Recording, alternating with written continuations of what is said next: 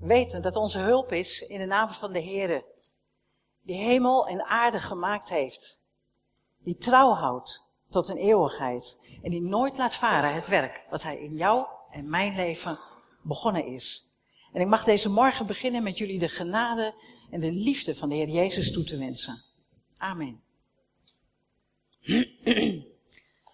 Ik heb dit afgesproken met de band, dat ze dan ondertussen rustig weglopen. En ik ondertussen jullie eh, welkom mag heten in deze dienst. En met jullie eh, het woord mag openen. We hebben een stuk uit het Nieuwe Testament gehoord. Uit Johannes. Dat heeft Maria met ons gelezen. Uh, en ik zou graag een stukje met jullie willen lezen uit Exodus 33. En ik spring daar een klein beetje doorheen. Op blijmoedige wijze. Het is eigenlijk wel niet zo'n blijmoedig stuk. Want de Heere God heeft net gezegd dat ze het land niet in mogen. Dus ze hebben getrokken en dan moeten ze weer weg. Dan moeten ze weer verder. En daar hebben we het de vorige keer over gehad.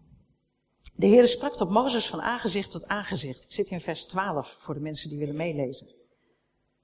De Heer sprak tot Mozes van aangezicht tot aangezicht, zoals een man met zijn vriend spreekt. En daarna keerde hij terug, dat is Mozes, naar het kamp maar zijn dienaar Jozua, de zoon van Nun, een jongeling, week niet uit het midden van de tent. En toen zei Mozes tegen de heren, zie, u zei tegen mij, laat dit volk verder trekken. U echter, u hebt mij niet laten weten wie u met mij meezendt. Terwijl u zelf hebt gezegd, ik ken u bij naam. En u hebt ook gezegd, u hebt genade gevonden in mijn ogen. Nou, dan, als ik dan genade heb gevonden in mijn ogen, maak mij dan uw weg bekend. En dan zal ik u kennen, zodat ik ook genade zal vinden in uw ogen. En dan zegt God een beetje ironisch, moet mijn aangezicht meegaan om u eh, gerust te stellen? Want ze hebben namelijk net allemaal niet in hem geloofd, dus ja, het is toch wel wat dubbel.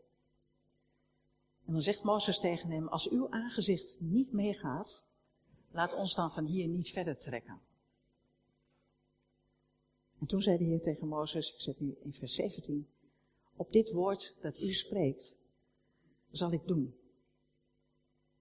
Want u hebt genade gevonden in mijn ogen en ik ken u bij naam.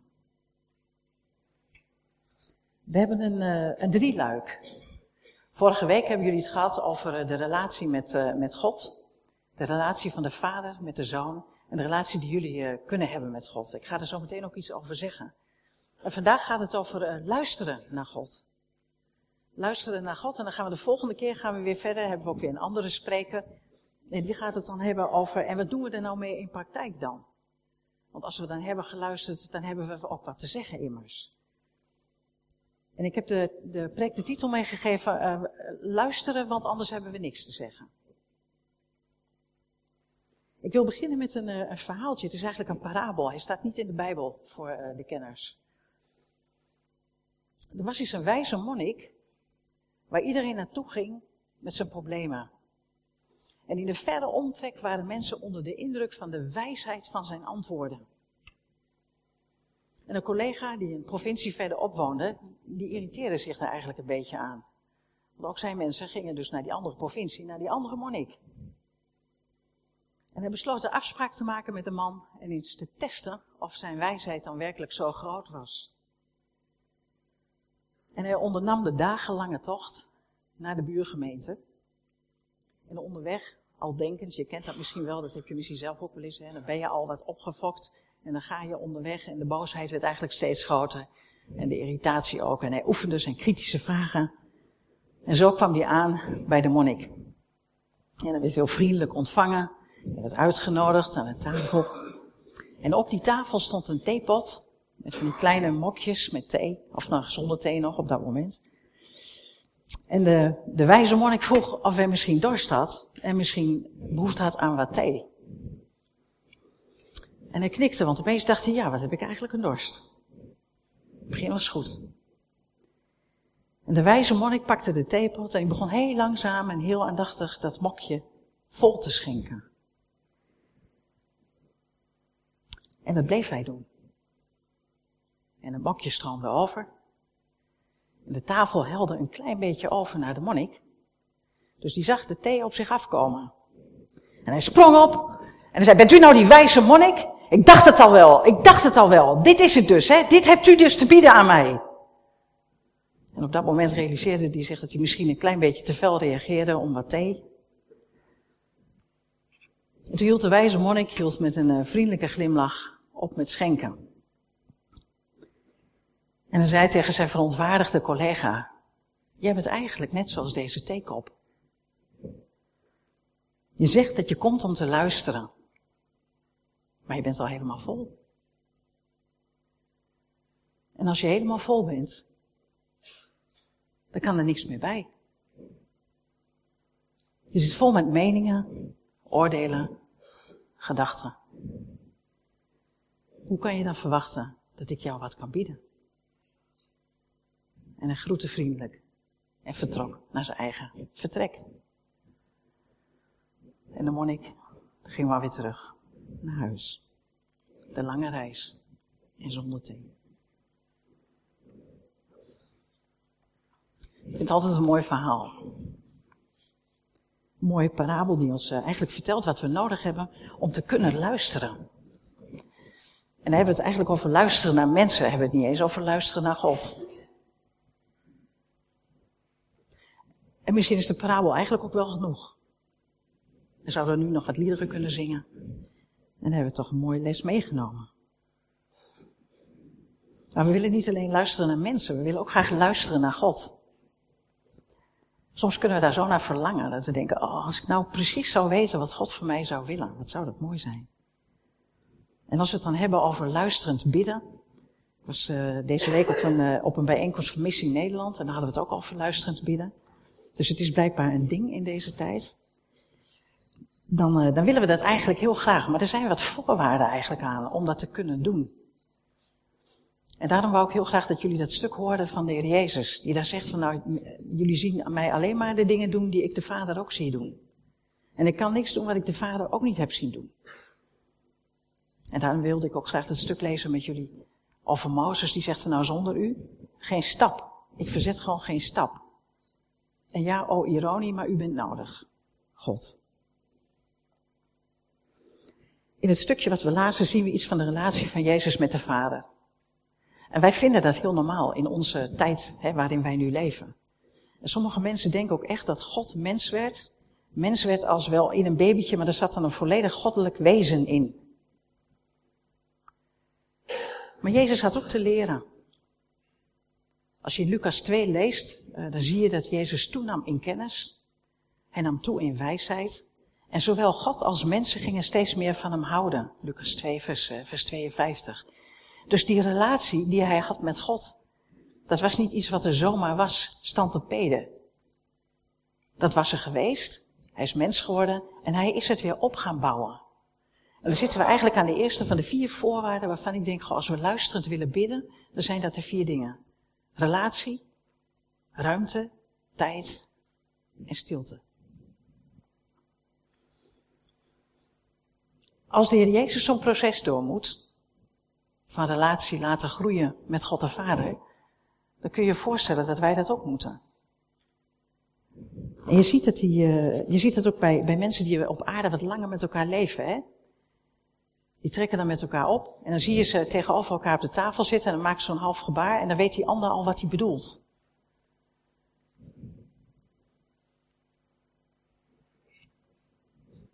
Die kennen elkaar dus blijkbaar zo goed wij zeggen dan, die kunnen met elkaar lezen en schrijven.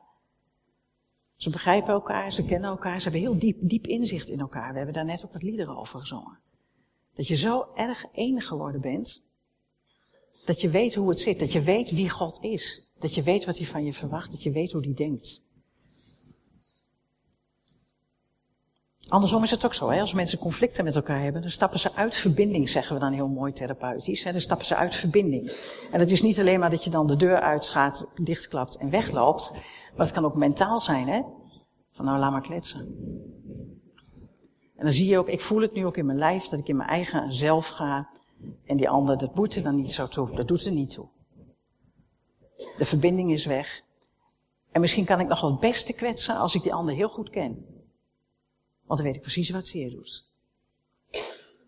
Maar of ik nou de relatie daarmee zoveel verdiep, dat weet ik dan weer niet. Ik denk het niet. Luisteren naar God. Voor luisteren naar God hebben we dus een relatie met God nodig, maar het is wel een bepaald soort relatie.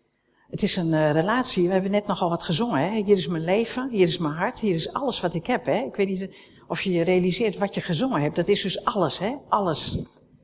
Dat is niet een tiende, dat is gewoon alles wat je hebt en wat je bent. Maar die relatie die had de Heer Jezus met God. En dat betekende dat hij afstemde op God op hele cruciale momenten. En bijvoorbeeld uh, toen hij verzocht was in de woestijn, de eerste, de eerste tegenstand eigenlijk beleefde. Heeft hij veertig dagen niet gegeten. Ik kan me voorstellen dat hij aardig lens was. Hij had overwonnen omdat hij het woord goed kende. En dan gaat hij, uh, en dan gaat hij de stilte in, zoekt hij God op en daarna gaat hij pas de discipelen uitzoeken. En zo zijn er nogmaals, moet je maar eens lezen in de Evangelie. Op, cruciale momenten, dan gaat hij even de stilte in, trekt hij zich terug. En dan kan ik me zo voorstellen dat hij dan met de vader in conclaaf gaat van, en nu? Wat wilt u nou? Gethsemane. Wat wilt u nou? En wat wil ik eigenlijk zelf? Het is eigenlijk een afstemmen uh, waarin je, we hebben ooit wel eens een keer die cirkel getekend. Ik weet niet of je hem nog voor je ziet. Ik ga hem even visualiseren. En dat begon hier bovenin met gevoel. En dan kwam hier denken. En dan kwam hier zo de wil. En daar kwam het handelen. Kunnen jullie nog herinneren? Wie herinnert hem nog een beetje? Oh, daar word ik wel blij van. Daar word ik blij van. En toen hebben we gezegd van, joh, als je nou een discipel wil zijn, dan, dan wil je eigenlijk met, met je hele hebben en houden, met je hele ziel, hè, want dat is eigenlijk je ziel. Je ziel is wat je voelt, wat je denkt, wat je wil. Wil je afstemmen op God. En dat is wat de Heer Jezus iedere keer doet. Hij onderhoudt dus die relatie met de Vader. Ook op momenten dat het hele volk daar staat te wachten en genezen wil worden door hem, gaat hij toch de stilte in. Pakt hij toch zijn rust. Dus dat kan al niet als je heel druk bezig bent met wat zullen de mensen wel niet van me denken. Dan lukt dat niet. Dus die relatie gaat hem eigenlijk wel aardig voor alles in de loop van de tijd. En hij is ook nog bereid om, als hij dan weet wat God wil, te doen wat God wil. Laat zei iemand tegen mij, ik ga, ik ga hier maar niet voor bidden, zei hij, want ik weet niet wat het antwoord daar gaat zijn. Dus nou, ik heb het idee dat jij wel weet wat het antwoord gaat zijn. Ja, zegt hij, daar heb ik geen zin in. Ik zeg, ja, dat, dat is volgens mij wat er nu speelt. En dat mag, hè, dat begrijpt God ook. Dat is het fijne van God, die begrijpt jou. Want ik kent je naam. En dat zegt hij ook tegen Mozes. Ik ken jouw naam. Ik ken jouw naam. Ik weet waar jouw behoefte zit. En ik neem dat serieus. Ik neem jou serieus. Joh, oh God, die jou serieus neemt. Daar word je toch stil van. Dus relatie is nummer één, hè. We kunnen niet luisterend bidden als we geen relatie met God hebben. En misschien nog één praktisch voorbeeldje. Eh, als jij iemand tegenkomt, gewoon midden in het centrum en je kent hem niet dan kun je daar niet meteen de meest intieme gesprekken mee hebben. Therapeuten misschien wel, maar zo door de bank genomen doen we dat niet. Dat doen we toch liever met iemand die we wat beter kennen. Wel, God wil wel hoor, aan hem zal het niet liggen. Dus het is een mooie uitnodiging voor ons. En beide hebben dus een keuze gemaakt. Beide hebben de keuze gemaakt, zowel Jezus als Mozes, om niet alleen maar vol van zichzelf te zijn. Maar dat zijn we heel makkelijk, joh. Op mijn tafel in, uh, in Roosendaal heb ik deze fles staan. Ja, de bedoeling is dat je er een beetje doorheen kan kijken nu. Klopt dat? Zien jullie ook iets of niet? Ja, aardig hè? Maar voordat die cliënt dan komt, dan doe ik even dit. En uh, dan ziet het er ongeveer zo uit. En dan gaan we het ergens over hebben. En dan willen ze het liefst graag in één gesprekje helderheid en duidelijkheid. Van nou zegt u het maar. Het is uw vak, u hebt ervoor geleerd tenslotte. Maar dan denk ik, nee, want je zit nog zo vol. Dat kan niet. Eerst moet er wat leegte komen. Wat ruimte komen. En dan kunnen we weer verder kijken. Maar zo komen wij ook vaak bij God. Dan zijn we zo vol van onszelf en zo vol van onze eigen verhalen. Joh, kan daar helemaal niks bij. Terwijl God wil wel geven. Die wil wel schenken. In liefde, zonder verwijt, wijsheid, whatever you ask. En daardoor kan Jezus, omdat hij niet vol is van zichzelf, kan hij zo prachtig mooi God spiegelen. Dat hij ook het lef heeft om te zeggen, ik vraag jezelf, durf jij dat te zeggen? Dat hij het lef heeft om te zeggen, als je mij hebt gezien, dan heb je de Vader gezien. Nou, ik durf nog niet te zeggen, als je Maya Krans hebt gezien, heb je God gezien. Nee, toch? Ik hoor hier dat, dat bevestigd wordt door een van mijn broeders.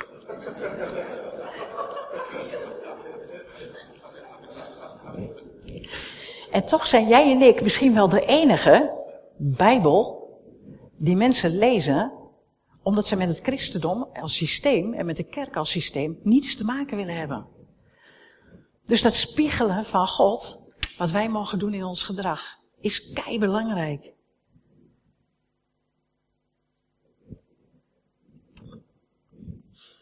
Er moet ruimte zijn. Er moet ruimte zijn voor God om in ons te mogen zijn. Er moet ruimte zijn om te luisteren. Er moet ruimte zijn uh, om onszelf misschien wel een stukje af te leggen en het ego aan de kapstok te hangen. En te luisteren naar God. En die intieme relatie met, met God, om die op te bouwen. Ik heb het misschien wel eens eerder gezegd, maar uh, uit onderzoek is gebleken dat partners elkaar niet eens zeven minuten per dag in de ogen kijken. Nou is zeven minuten niet zo heel erg lang. Maar als je dat dan niet met je partner kan doen, hoeveel tijd hebben we dan echt voor God over, hè? Hoeveel ruimte is er dan voor? En dan brengen we gelijk bij het tweede punt, dat is ruimte, hè? dus relatie en ruimte. En uh, die ruimte, daar wil ik een experimentje even met jullie doen. Uh, hoe snel kunnen jullie het alfabet opzeggen van A tot en met J? Heel snel, gewoon even, even, doe maar even. A, B, C, D, heel snel, doe maar even. Maar dat is heel snel, dus binnen een paar seconden. Klopt dat? Als je niet kunt, geeft het ook niet hoor. En, uh, en wil je nou heel snel tot 10 tellen? Kijk hoe snel dat gaat. Oh, hij gaat heel snel. En wil je nou even heel snel tellen 1A, 2B, 3C? Weet je wat? Dat je ze even zo mixt met elkaar? Doe maar. Doe maar.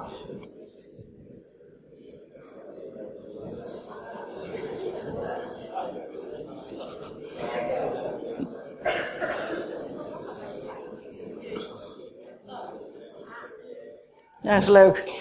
Wat we nu hebben gedaan is multitasken. Dat werkt dus niet. Dat kost veel meer tijd. Het kost ook veel meer inspanning. Je moet nadenken. vrouwen leven nog soms in de illusie dat ze kunnen multitasken. Is ook alweer bewezen, dames. Is niet waar. Kunnen we helemaal niet.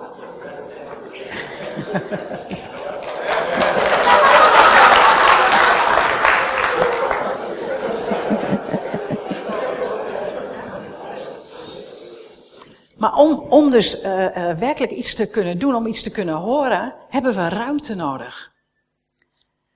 Het is eigenlijk hetzelfde als we een preek gaan lopen houden. Sommige mensen doen dat ook, hè. die gaan evangeliseren op een kermis. Ja. En dan, en dan zeggen ze dat uh, de Satan daar was om het helemaal tegen te werken. En dan denk ik, god, volgens mij is het gewoon heel waaierig. En er was, niet echt, er was niet echt ruimte ook. Mensen zitten er ook niet echt op te wachten als je daar lekker gewoon even je suikerspin komt eten en even lekker gaat uh, spinnen. Ruimte. Je hebt dus relatie nodig, maar je hebt ook ruimte nodig. Ruimte om met God te zijn. Uh, zoals je ook met mensen ruimte nodig hebt. Als ik met mensen in relatietherapie eh, praat, dan is het eigenlijk het eerste wat blijkt. Er is geen ruimte. We zijn met van alles en nog wat druk. We zijn zo verschrikkelijk druk. We hebben helemaal geen ruimte voor de dingen die er echt toe doen, joh. En als je dan gaat nadenken over, hé, wat is dan een leven in aanbidding? Wat is dan biddend luisteren? Nou, dan lijkt me dat te beginnen bij in God en bij de ruimte om daarvoor te maken. Maar ja, ondertussen hebben we ook allemaal Amerikaanse boekjes. Hè? Zegen het bidden, zegen het helpen, alles in tien stappen, of vijf, nog sneller, afhankelijk van, uh, van je denominatie. En... Uh, en eigenlijk leren we daardoor om die ruimte niet te hebben. Eigenlijk leren we daardoor om lijstjes te maken. En mensen hebben dat soms ook, hè? Gebedschriften vol met allemaal dingen die ze bij God willen brengen. En dat is prachtig en is mooi als je daar trouw in bent en betrouwbaar. Alleen dan heb je geen ruimte om te luisteren. Want je, je, je lijst zal uitdijen, hè, als een grote verlanglijst. En voor je het weet ben je alleen maar dingen aan het opsommen. En aan het eind bid je zoiets van, en Heer zegene dit. Ik weet nog dat ik als kind, dan had ik zo'n lange gebedslijst op een gegeven moment. Ik was eh, denk ik een jaar of acht. En dan dacht ik, god, dit duurt zo lang, dit moet voor de Heer wel heel vervelend zijn. En dan, bid ik, dan bad ik altijd van Heer, en als er verder dan nog wat is wat ik vergeten ben, hè, wilt u dat er dan ook maar bij laten horen. en dan was het, gebed, was het gebed weer afgemaakt. Ja, mijn ouders moesten vijf kinderen langs, hè. Dat, eh, dat verklaart ook iets natuurlijk. Ruimte. Als we de ruimte niet pakken, kunnen we blijkbaar niet focussen. Een van de momenten dat de Heer Jezus aan de discipelen vroeg, willen jullie met mij bidden? Dat was in Gethsemane. En toen liet hij ze achter en toen ging hij even weg, want hij ging naar zijn vader. En dan gebeurt precies hetzelfde, denk ik, wat er ook heel vaak met ons gebeurt. Er is zoveel wat ons afleidt. Jezus wilde wel bij zijn vader zijn. Die, die, die tranen. Die had het moeilijk.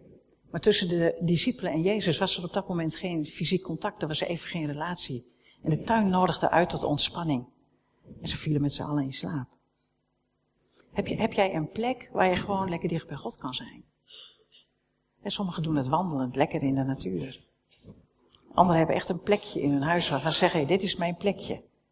En sinds onze keuken af is, is dat mijn plekje geworden. En dat is een plek waar het stil is en rustig en geen afleiding is. Als het opgeruimd is. En waar God onverdeelde tijd en aandacht mag krijgen. En waarin je merkt als je dat gaat doen, dat, dat God ook dichterbij kan komen. Omdat je daar gewoon de ruimte voor hebt gemaakt. Even terug naar hetzelfde missie Nederland. Eh, de directeur die vertelde dat hij, uh, hij was altijd predikant geweest en vanuit zijn predikantschap was hij gewend zijn dagen helemaal zelf in te delen. Maar nu werd hij directeur van de organisatie. En dan kwam hij, uh, op het drukste moment moest hij reizen. Zat in een volle trein. Dus hij kon niet, had geen ruimte om het anders. En dan was hij op zijn werk. En waar hij anders de telefoon op het antwoordapparaat kon zetten, kon dat nu niet, want al zijn collega's zagen dat hij er was tenslotte. Dus vanaf het moment dat hij binnen was, begon het alles te lopen en te draven en te rennen. En hij merkte na een paar maanden dat hij zo verschrikkelijk moe was, want hij zei, joh, ik had helemaal geen tijd meer om bidden te luisteren. Ik had geen tijd meer om af te stemmen op God. En hij heeft besloten om uh, met de groep, in ieder geval één dag in de maand, gewoon te gaan bidden met z'n allen. Dat kan in een christelijke organisatie. Maar ik denk dat daar wel moed voor nodig is. En tegelijkertijd heeft hij besloten, ik begin een uur later. Dan heb ik gewoon thuis de tijd om met God te zijn. Kan ik er rustig mee voorbereiden met God op de dag. Ik begin een uur later en ik werk een uur langer door in overleg met mijn vrouw. God onverdeelde aandacht geven. En dat je dan een opschrijfboekje erbij hebt, prima hè. Want uiteindelijk staat er zoveel in het opschrijfboekje en komt er ook rust in ons hoofd, komt er ruimte in ons hoofd om te gaan luisteren. Wordt ons kopje leeg, kan een nieuwe frisse thee in. En het derde wat nodig is, is stilte.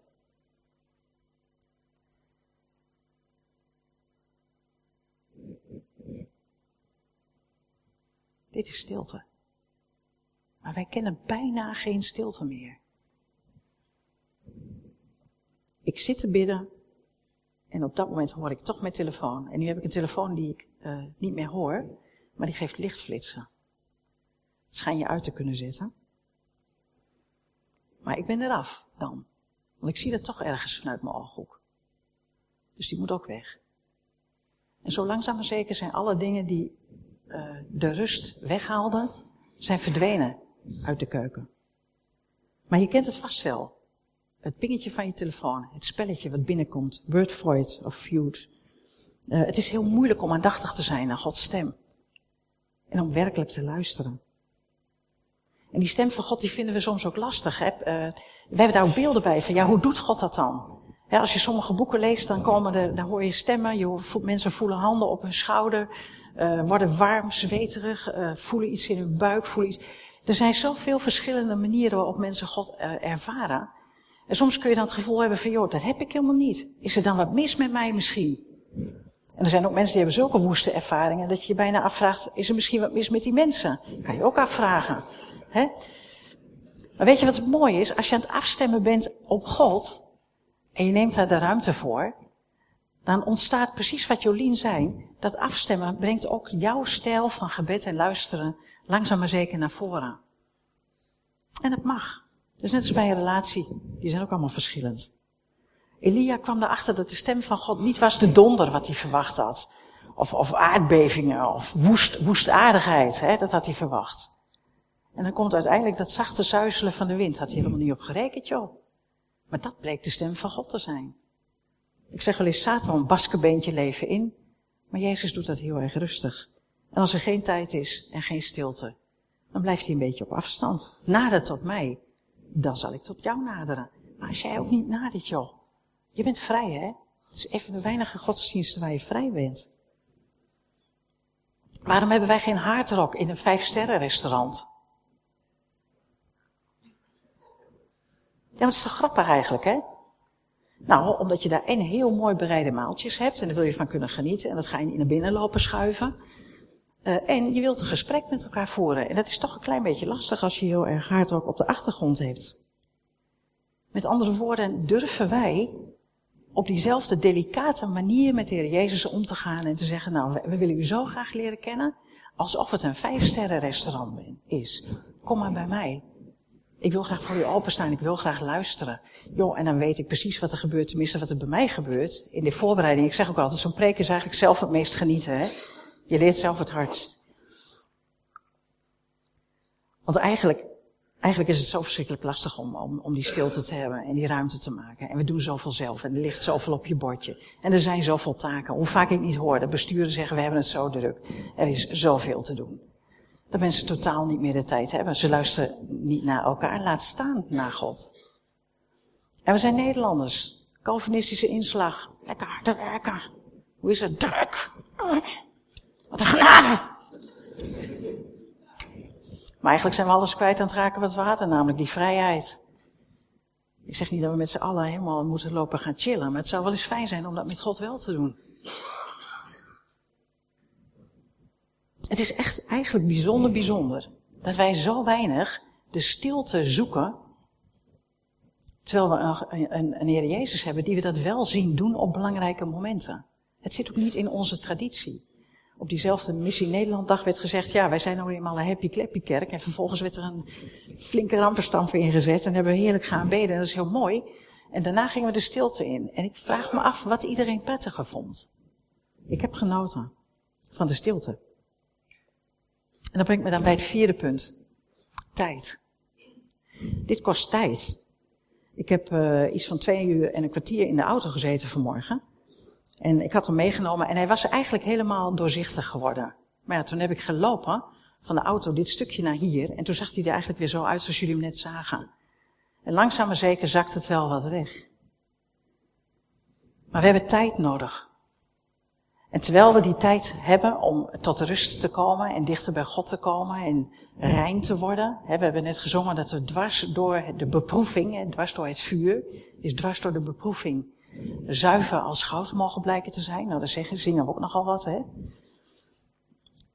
Maar in diezelfde tijd gebeurt er alweer zoveel, dan kun je alweer helemaal shaken up zijn. En weg is het luisteren bidden weer. En ik vergelijk het toch het liefst met relaties, hè, relatie met je kinderen. Dat je denkt van nou, nou zijn we eindelijk zo dicht bij elkaar, wat fijn is dat. En dan in één keer komt er een verhaal tussendoor dat je denkt, wow, het stikt nu.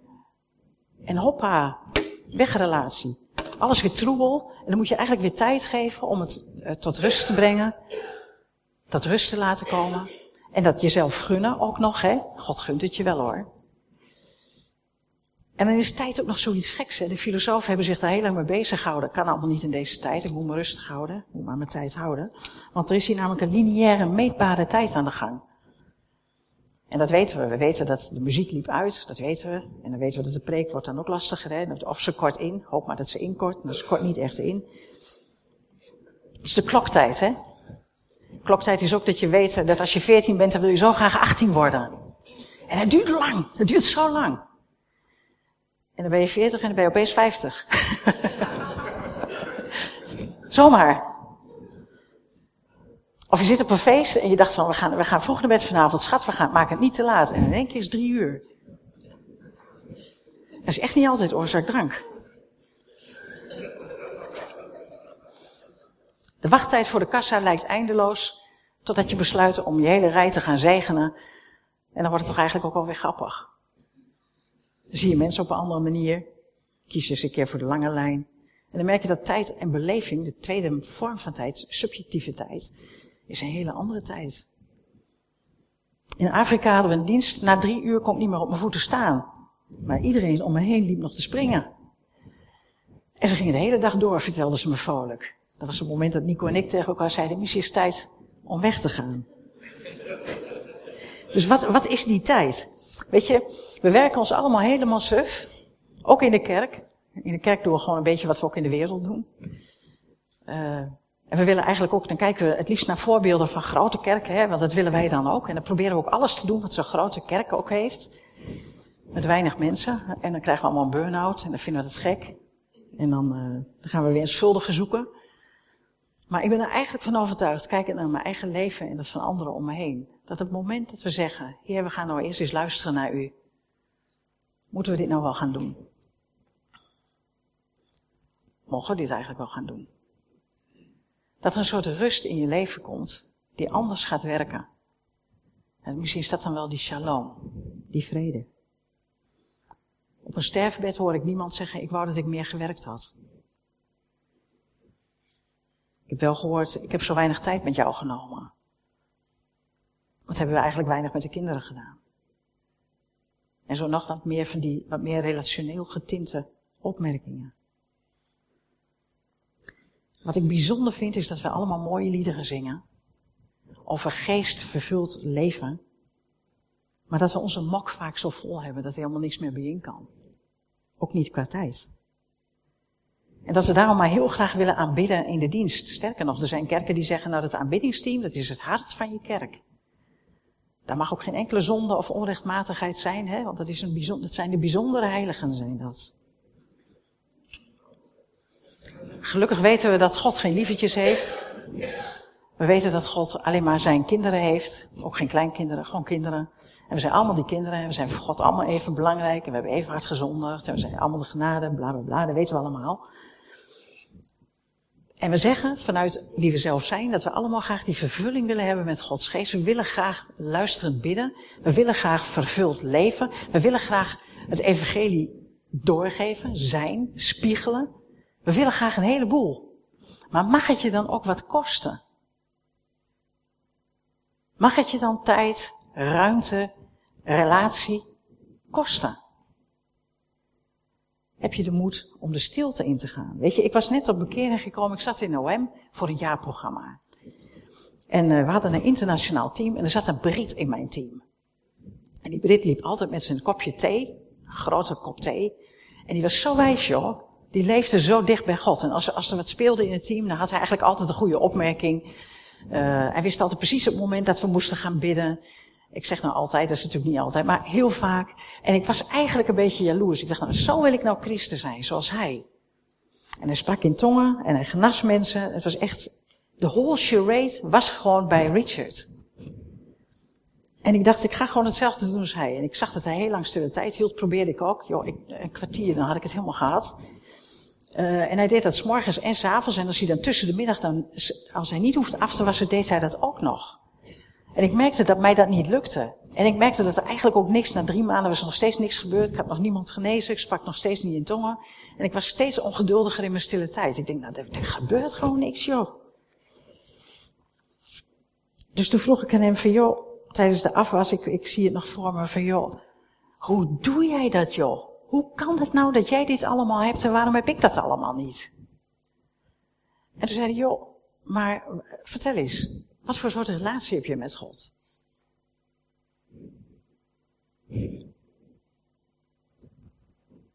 Hmm. Nou ja, ik heb een baptistenachtergrond, dus ik lees in mijn Bijbel. Ik had een schriftje met allemaal gebedsonderwerpen die ik allemaal doorbad. Nee, dat zei zegt, dat bedoel ik niet. Heb je een relatie met God?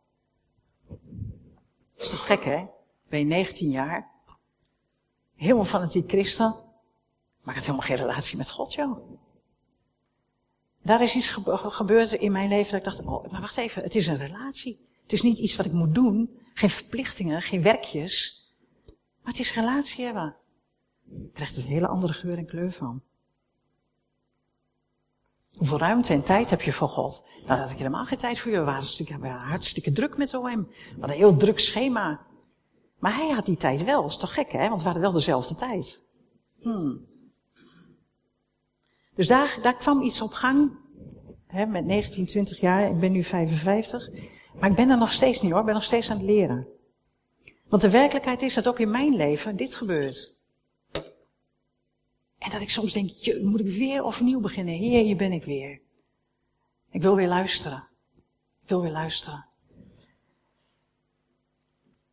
En soms maakt God gewoon, of laat God het toe, laat ik het zo zeggen, dat er dingen gebeuren waardoor je ook even gewoon niet meer verder kan. Dat je gewoon iets van, ja, nou weet ik het ook niet meer. wij, hadden dat deze week met ons team. Uh, jullie weten dat ik met Power Parent bezig ben, een weekenden voor alleengaande ouders. 14 februari komt het een rassenschreden dichterbij. En we merkten gewoon van, ja, we hebben eigenlijk hebben we steun nodig om het werk te kunnen doen. En we komen er niet. Er moet nog zoveel. En in één keer realiseer ik me, we zijn verkeerd bezig. We zijn weer aan het doen. Laten we stil zijn. Laten we voor God gaan. Zijn we nog de goede dingen aan het doen? Heer, het was uw werk. Zo zijn we ook begonnen. De vader kennen is weten hoe je moet handelen. Dat betekent eerst dicht bij hem zijn. Iemands bad bij de vader op schoot zitten.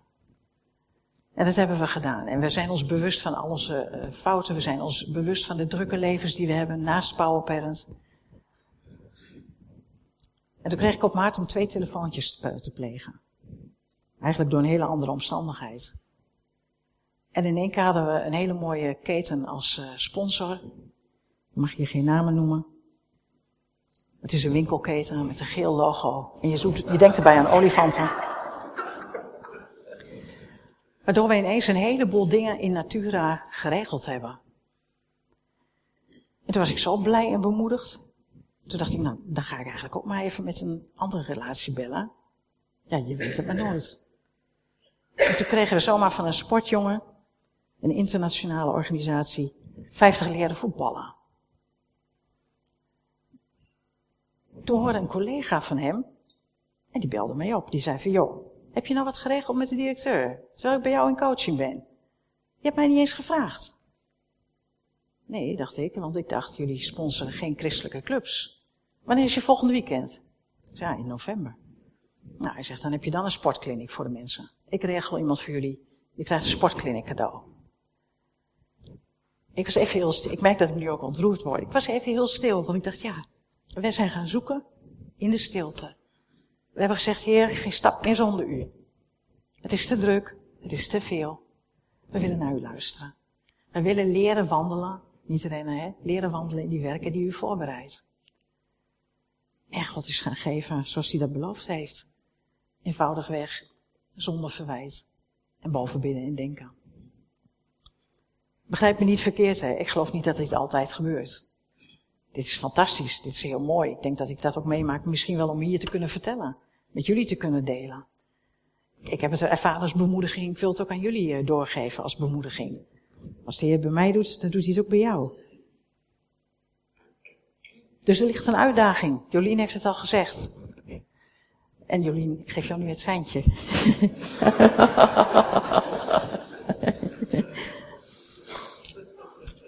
Jolien heeft gezegd van joh, laten we, laten we die stap nou eens durven zetten. Van werkelijk luisterend gaan bidden. Want aanbidden is inderdaad niet op zondagmorgen. Aanbidden is een levensstijl. Jezus leefde in aanbidding van zijn vader. Waarom? Hij had een relatie met de vader. Hij nam er tijd voor. Hij ging de stilte in.